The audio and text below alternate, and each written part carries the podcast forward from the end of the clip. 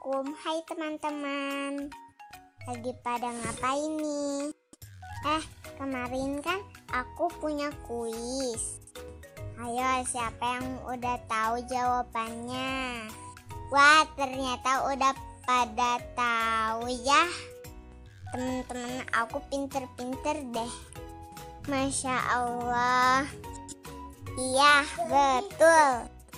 Nabi Ishak memiliki seorang anak yang menjadi nabi yaitu Nabi Yakub alaihi salam. Nah, hari ini aku mau berkisah tentang Nabi Yakub. Dengerin ya. Nanti ada kuis lagi loh. Dan nanti ada hadiahnya juga. Hadiahnya adalah pahala dari Allah dan senyuman manis dari aku. Siap ya? Teman-teman tahu nggak? Nabi Yakub itu punya saudara kembar loh. Namanya adalah Ishu. Mereka berdua hidup rukun dan damai. Nah, siapa yang suka berantem sama adiknya? Mulai saat ini kita nggak boleh berantem lagi ya. Harus saling menyayangi antara kakak dan adik. Seperti Nabi Yakub dan saudara kembarnya yaitu Ishu. Pada awalnya mereka hidup rukun sampai akhirnya mereka bertengkar. Nabi Yakub diminta untuk menemui pamannya yang bernama Laban. Nabi Ishak juga mengirimkan pesan agar Nabi Yakub belajar dan menikah dengan anak sang paman. Ayo, siapa yang suka belajar juga? Kenapa sih kita harus belajar? Supaya kita pintar dan bisa menggapai cita-cita. Kalian cita-citanya mau jadi apa? Kalau aku cita-citanya mau jadi dokter dan hafiz Quran. Doakan ya. Semoga cita-cita teman-teman dan kakak Mahira tercapai ya. Makanya jangan lupa belajar. Seperti Nabi Yakub. Nabi Yakub menempuh perjalanan yang sangat berat. Beliau melewati gurun pasir disertai dengan angin dan badai yang kencang. Ih, serem ya.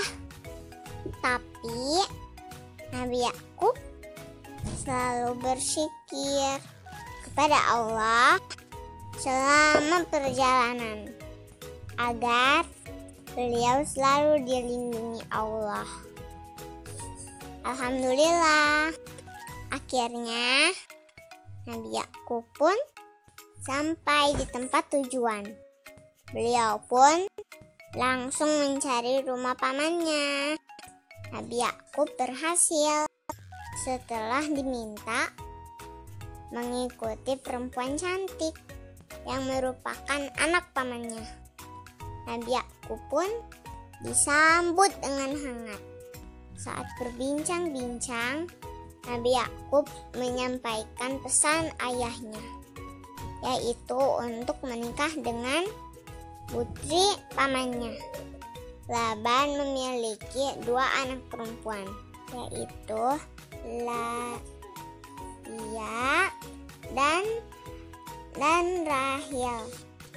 Wah, sama dong kayak Umi adikku.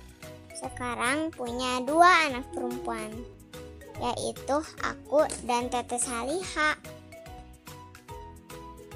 Temannya pun mengabulkan permintaan tersebut, tapi dengan satu syarat, yaitu beliau meminta mas kawin berupa bekerja selama tujuh tahun di peternakannya. Setelah tujuh tahun bekerja, Nabi Yakub pun meminta untuk dinikahkan dengan Rahel. Akan tetapi, Nabi Yakub tidak bisa menikah dengan Rahel. Kenapa ya? Oh, ternyata Rahel masih memiliki kakak yang belum menikah. Oleh karena itu, Nabi Yakub harus menikah terlebih dahulu dengan Laia. Dan Nabi Yakub baru boleh menikah dengan Rahil setelah bekerja selama tujuh tahun di peternakan pamannya lagi. Nabi Yakub pun patuhi permintaan pamannya. Beliau menikah dengan Laia dan bekerja selama tujuh tahun lagi di peternakan pamannya. Nah, setelah menikah dengan Raia dan Rahil, Nabi Yakub pun menikah lagi dengan dua orang budak. Dari keempat istrinya itu, Nabi Yakub dikaruniai 12 keturunan. Wah, banyak sekali ya.